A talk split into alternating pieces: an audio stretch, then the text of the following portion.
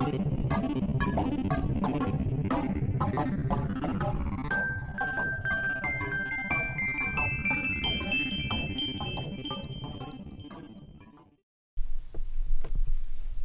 och välkommen till Akademipodden. Idag är vi på forskarmöten, Sveriges Unga Akademis sommarforskarskola för gymnasieelever som ska börja årskurs 3. Vi håller till på Sven Lovén, Centrum för marina vetenskaper utanför Fiskebäckskil på västkusten. Jag heter Khalid Dasuki och går i, på gymnasiet i Uppsala, i Jensen gymnasium, naturprogrammet. Och nu tänkte jag att alla kan presentera sig. Jag heter Emma Larsson och går, eh, ska börja trean på Ellen Engströms gymnasium i Göteborg. Och jag heter Emilia Börjesson och jag går på Uddevalla gymnasieskola. Jag heter Elin Gustafsson och jag går naturprogrammet på Berzelii-skolan i Linköping. Och jag heter Henrik Zetterberg och jag är en av lärarna här på forskarmöten och är professor i neurokemi på Göteborgs universitet och Sahlgrenska akademin. Hej, jag heter Annika Moberg och jobbar med kommunikation för Sveriges Unga Akademi. Vad härligt att vara här. Vi sitter ute vid vattnet utanför Sven Lovén-centret så vi kommer kanske höra lite måsar, båtar och kanske ett och annat barnskrik. Jo, men jag ska fråga dig Henrik, forskarmöten, vad är det? Eh, forskarmöten är en aktivitet som vi har nu för tredje året i rad eh, och eh, tanken är lite grann att göra ge en möjlighet för gymnasieungdomar att komma och prata om forskning med medlemmarna i Sveriges Unga Akademi som ju är en sammanslutning av drygt 40 forskare i Sverige. Och de ska vara ganska unga men de ska också vara framgångsrika och sådär är tanken. Och, att man, och de representerar också alla möjliga former av forskning. Och i, på det här mötet nu i år så har vi haft fysiker och medicinare och det är även en matematiker och det är ganska brett spektrum av forskare som pratar med, med, eh, i de här smågruppsmötena med, med gymnasieungdomarna om alla möjliga aspekter av forskning. Eh, och det tänkte vi göra här nu också faktiskt om en liten stund. Då. Ja, härligt. Vad, vad, har ni gjort annars? Har ni kanske gjort någon utflykt eller har ni sett någonting om omgivningarna? Ja, um, vi har varit ute på båtutflykt um, och tittat runt lite i skärgården och höra lite historia om det. Så. Har det blivit något tillfälle till bad? Ja, personligen har jag inte badat faktiskt. Men eh, några andra har varit. har haft underbart väder här ute. Ja, det ryktas att man kunde se mareld. Eh, ja, marelden är ju, finns det väldigt gott om just nu i augusti månad om man badar när det är mörkt. Men eh, jag tänkte ta mitt eh, premiärmarelstopp ikväll faktiskt. Jag sparade det igår. Så jag tänkte det blir en väldigt fin avslutning av den här, de här dagarna här.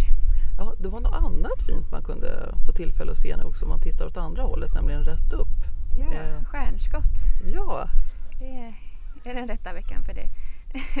Just det, Persiderna, meteorregn tror jag, som mm. eh, vi hoppas få njuta av. Ja, men då sätter vi igång med forskarsamtal. Mm. Och då är det Henrik, läraren, som tar vid lite och eh, jag tänkte faktiskt fråga er om, om det eh, en sak som jag har tänkt på mycket i forskningen i alla fall, och vad gäller mig själv, det är lite grann hur, hur vet man, det finns ju så mycket man kan forska om. Hur vet man vad man ska forska om? Vad, någon som har ett väldigt specifikt intresse av forskning och sådär. Till exempel, eh, hur känner du? Ehm, jag tycker om väldigt många olika sorters forskning och är intresserad av mycket. Ehm, men som ehm, många av lärarna har sagt här så kan man prova sig fram och eh, läsa olika saker och så fastnar man förhoppningsvis för någonting man tycker är roligt. En sak som jag tänker på med min egen forskarbana är att ehm, för jag visste, eller visste visste, det vet jag inte om jag visste, men ganska tidigt så blev jag forskningsintresserad i alla fall och det berodde på att jag fick en bok som jag läste när jag var tonåring. Jag fick den av min pappa och det var Georg Klein i Stockholm som skrivit en bok eh, om, ehm, han är tumörbiolog typ och genetiker och väldigt eh, har varit en väldigt framgångsrik forskare. Nu är han gammal men han är väldigt aktiv fortfarande. Och han skrev populärvetenskapliga essäer om forskning. Och de läste jag och så tänkte jag det här är ju jädrigt spännande. Alltså det är, det är en spännande värld. Eh, och, men sen då när jag, och så tänkte jag att jag ska, det vore kul om man kunde få komma in i den världen och ha den som sin arbetsplats. Men mer specifik än så var jag inte riktigt. Och, fast jag visste att det var, skulle vara någonting, jag tyckte det skulle vara kul att pröva någonting inom medicin. Men sen om man tänker sig det specifika jag har forskat på så har det varit till viss del styrt av vilka människor jag har träffat. Det vill säga inte, man kan tycka, det är nästan lite skämmigt, man tycker man skulle vara fokuserad på en stor forskningsfråga som man eh, skulle velat lösa. Men, det, men det, jag, jag tror jag har blivit ganska styrd av när jag har träffat människor som varit roliga att arbeta med. Har, har ni känt något liknande någon gång med någon lärare som, som ni har träffat eller eller så, du har ju ett marinbiologiskt intresse Emilia, men det kanske beror på var du är född någonstans? Ja, jag kommer ju från västkusten men sen har min mor även varit marinbiolog så det är väl där det härstammar ur intresset. Eh, men om jag ska ta ett exempel så har jag en eh, kemilärare som jag, man ser verkligen att hon brinner för sitt ämne. Och man, alltså att, att, man formas av de människor man har runt omkring sig. Så det, hon har verkligen fått in mig på att eh, ja, men fördjupa mig inom kemin. det smittar av sig. Ja, det är, jag håller med, det är smittsamt med, när man möter ja, entusiastiska personer, verkligen. Men jag minns, du berättade Shadid att, att du har ett ganska specifikt intresse i, i du vet att medicin, du tror att eh, medicin ska bli ditt område och kanske till och med berättar du psykiatri. Ja, medicin är det jag, ja faktiskt i början på ettan insåg att det är kanske är det jag vill läsa i framtiden och psykiatrin är det som har intresserat mig och allt. Alltså egentligen är det så att det är hjärnan och hur vi tänker som liksom det grundar sig i varför jag blev intresserad av psykiatrin och sen mer åt sjukdomshållet, psykoser och kanske traumatiserade barn som jag mest liksom och då är det att jag är kanske lite överempatisk men jag känner att jag vill hjälpa dem vara överempatisk i alla fall rätt väg att börja så får man lära sig att hantera det jämfört med motsatsen. Ja absolut. Och sen med tanke på det du sa om att man kanske faller för liksom folk som är entusiastiska eller gillar det de gör.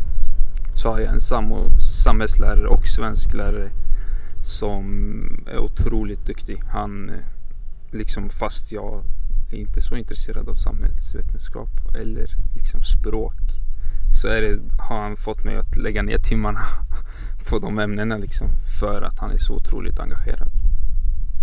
Tror det måste man vara väldigt smart för att bli forskare. Jag tror nog mer det handlar om att vara kreativ än att vara just smart.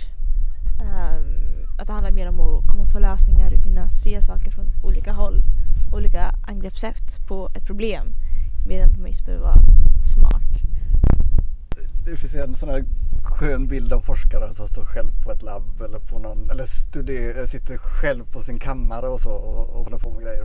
Är, är det så eller? Har ni fått någon känsla för det nu när ni träffat forskare under de, de här två dagarna? Mm, många forskare här har betonat eh, vikten av samarbete och att man kan eh, berika varandra och varandras forskning eh, väldigt mycket och det tror jag är väldigt bra. Men sen har man ju också sett eh, typ igår kväll så var det en som eh, eh, satt eh, i ett labb och jobbade och det såg ganska ensamt ut men eh, ja, det är olika, olika stunder antar jag som är andra det var ju en forskare här på forskningsstationen och hon höll på till klockan 11 tyckte jag det såg ut som att labbet var tänt och hon satt där vid ett mikroskop och hon höll på att sortera bland annat. Ja, jag håller med, det såg ensamt ut men samtidigt fick man en känsla att ja, det här måste ju vara något superspännande. Varför hade hon varit här annars? Och sen på bryggan igår så mötte vi några portugisiska forskare som skulle ut och mäta respiration hos sjögräs. Och det, de skulle ta nattpunkterna nu så de skulle dyka där vid ett snåret på natten. Det var ju också grymt spännande faktiskt. Vet du vad jag ska återkoppla till den där ensamma forskargrejen också. Det finns ju sådana forskare fortfarande men de är mer sällsynta.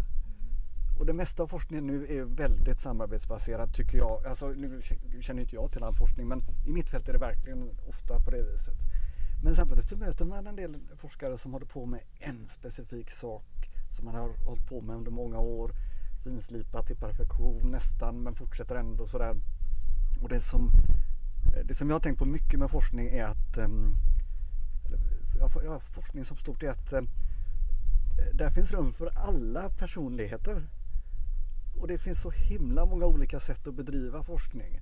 Och jag känner att jag, eh, jag älskar att arbeta i, i grupp och i stora samarbeten och sådant.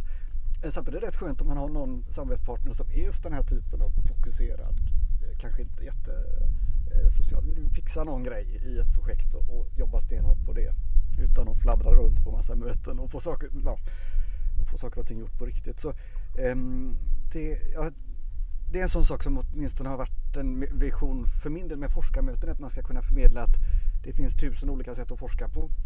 Uh, jag tror, fast man ska inte ge konkreta råd till folk, men att hitta sitt sätt att uh, hitta något, någon eh, forskningsmiljö, något ämne, några forskarkollegor där man trivs och får möjlighet att frodas och att man känner att eh, arbetet börjar närma sig en hobby som man eh, längtar efter lite grann. Det, är, det ska man liksom leta efter lite.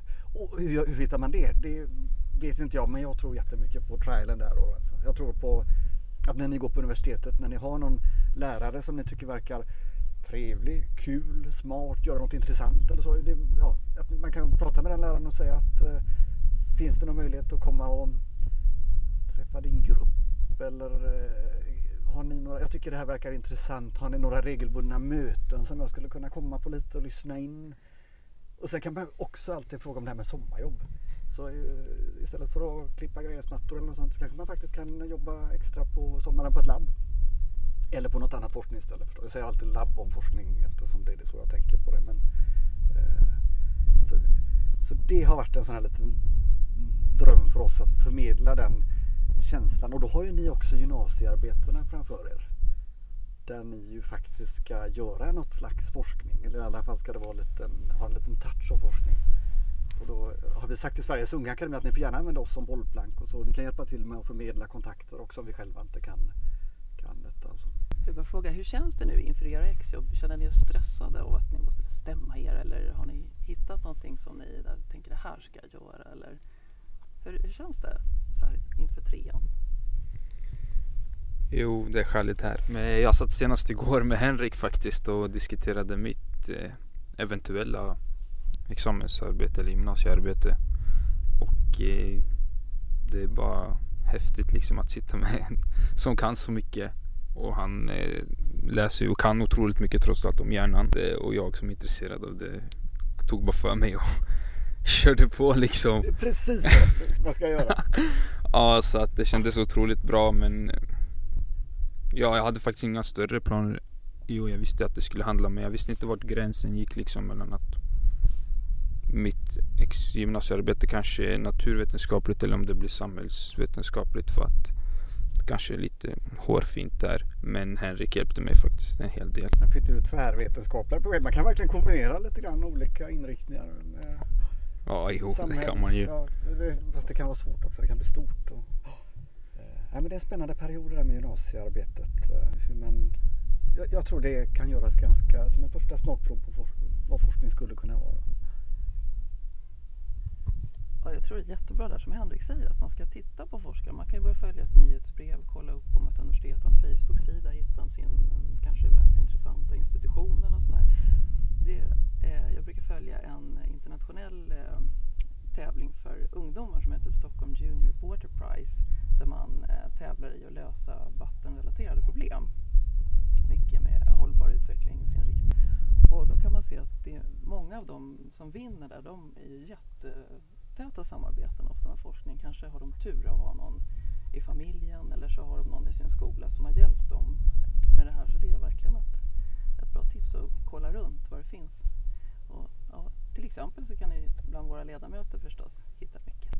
Det här med forskning, när ni har träffat alla de här forskarna nu, har ni fått någon känsla av hur det är med vardagsforskning sådär? Hur ofta hittar man något spännande som forskare? Det blir alldeles tyst här faktiskt. Vad tror ni? Är det varje dag som man liksom går runt och oj, du har rätta fyndet här? Ja, det kan man väl inte precis påstå. Forskning eh, går ganska långsamt. Fast det beror också på inom vilken, vilken, inom vilken disciplin och inom vilket område man eh, kollar ner på.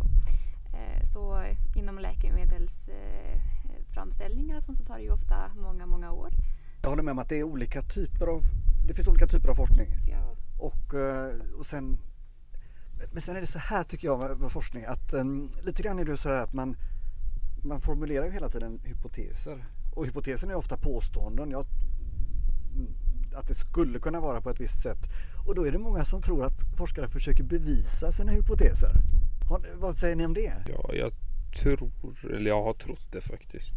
Ja, ja, Ja, det är väl ganska mycket att man försöker motbevisa sin hypotes också. För om man inte lyckas motbevisa den så är ju vad heter det, chansen stor att man är ute på rätt väg i alla fall. Det var ett superbra svar. Jag brukar alltid försöka, det brukar vara min sån här eh, mantra lite när jag pratar med doktorander också. Att man försöker att motbevisa, falsifiera sina hypoteser. Och så finns det en, eh, det finns en sån här, och för mig har det varit extra viktigt för jag är lite överpositiv som person. Alltså jag känner själv att jag har en svaghet i att om vi har preliminära data så blir jag väldigt glad. Men att man sen ganska snabbt så brukar man tänka så här att eh, och det kan betyda detta och detta och det skulle kunna leda till det här. Men då måste man på något vis i forskningen bromsa sig för annars så är det ju, driver man ju någonting på en ganska lös och faktiskt ovetenskaplig grund. Och då så har jag fått lära mig att det viktigaste är att försöka så hårt man någonsin kan falsifiera sina egna hypoteser. För det är väldigt svårt att bevisa någonting som gäller alltid. Utan då är det, och då finns det en filosof som heter Karl Popper som ni kanske har hört talas om. Nu nickar några här faktiskt. Och han, han, han skrev om det här i en jättetjock och helt oläsbar bok. Men förordet är bra. Och, eh, så den har jag faktiskt på bokhyllan hemma för att tänka på mig detta. Hans falsifierbarhetskriterium, det är det det handlar om. Försöka att kill your darling. Låter ju destruktivt men då, får man, då är trick att man blir glad när man har falsifierat en hypotes. Då får man ett nöjsamt forskarliv. Är det något annat ni funderat på? Tycker ni det verkar... Är det liksom ett lugnt arbete att vara forskare eller är det stressigt? Det verkar vara ett arbete som man bor och lever med hela tiden. Det verkar som att man nästan aldrig tar någon riktig paus. Utan det är snarare som man vaknar och tänker på det och går och lägger sig och tänker fortfarande på det man håller på med. Men eh, jag tänker i alla fall så att om det är någonting man verkligen tycker om att göra så behöver inte det vara något negativt. Nej men det, de flesta forskarna här jämför att ja, arbeta som forskare jämförs, ha, har jämförts mycket med att driva eget företag. För då lever man ju med det. Det är ju ditt egna. Det är, gäller väl samma, det är samma princip med forskningen. Jag tror det är jättelikt faktiskt. Jag tror det är en bra liknelse. Man kan tänka på andra kompisar och sådana man känner som har andra jobb att det finns ju en del som verkligen lever med sina jobb eh, väldigt mycket också. Men det, gäller, det är ett lite farligt jobb också på det viset att man kan ju bli eh, väldigt uppslukad och om, när det, det är ju stor risk att det inte går som man har tänkt sig och det är stor risk att um, man är lite på fel spår. Det får man ju vara eh, hela tiden observant på. Det som jag tror är jobbigt på riktigt um, det är också om man sen märker att man inte, man inte får till de där resultaten som man lovade om i en ansökan som man fick pengar för. Man skriver rapporten och det ser inte så himla bra ut och sen blir man av med det anslaget. Vilket är, det är stor risk. Alltså beviljandegraden på anslag är ofta runt 10 procent. Så man tävlar med massa väldigt bra människor också. Då tror jag det kan vara motigt på riktigt.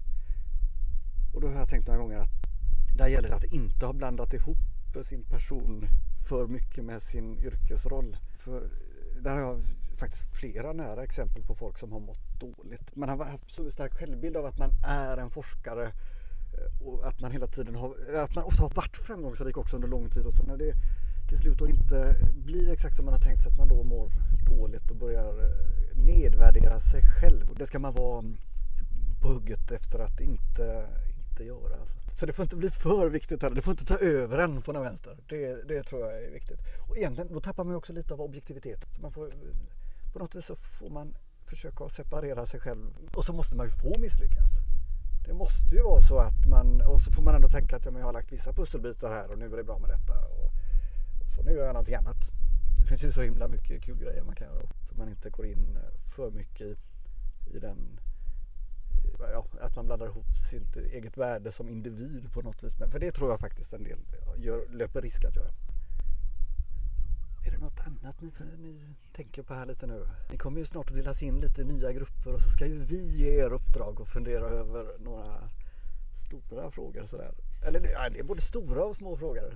Och sen ska ni redovisa detta för oss imorgon.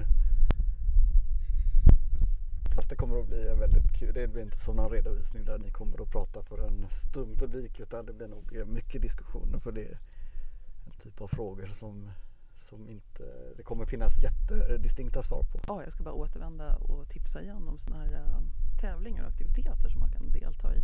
Det finns ju också förbundet Unga forskares utställning som, eh, just det, den kände du till Elin.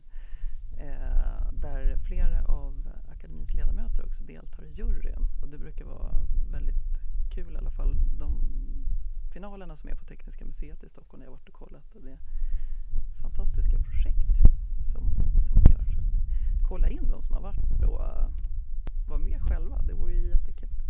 Ja, det lät verkligen jättespännande Annika. Eh, Okej, okay, tack alla eh, och tack till alla er som lyssnar. Eh, ni hittar också Sveriges Unga Akademi på Instagram och Twitter som att Unga Akademi och kontakta gärna Sveriges Unga Akademi eh, gärna där eller via e-post till info sverigesungaakademi.se. Glöm heller inte att eh, tävla i prisfrågan genom att svara på frågan Vad är en tanke? Se sverigesungaakademi.se prisfrågan senast den 14 september så vill de få in ditt svar. Tack ska ni ha allihopa. Hej hej! Hej hej! hej, hej.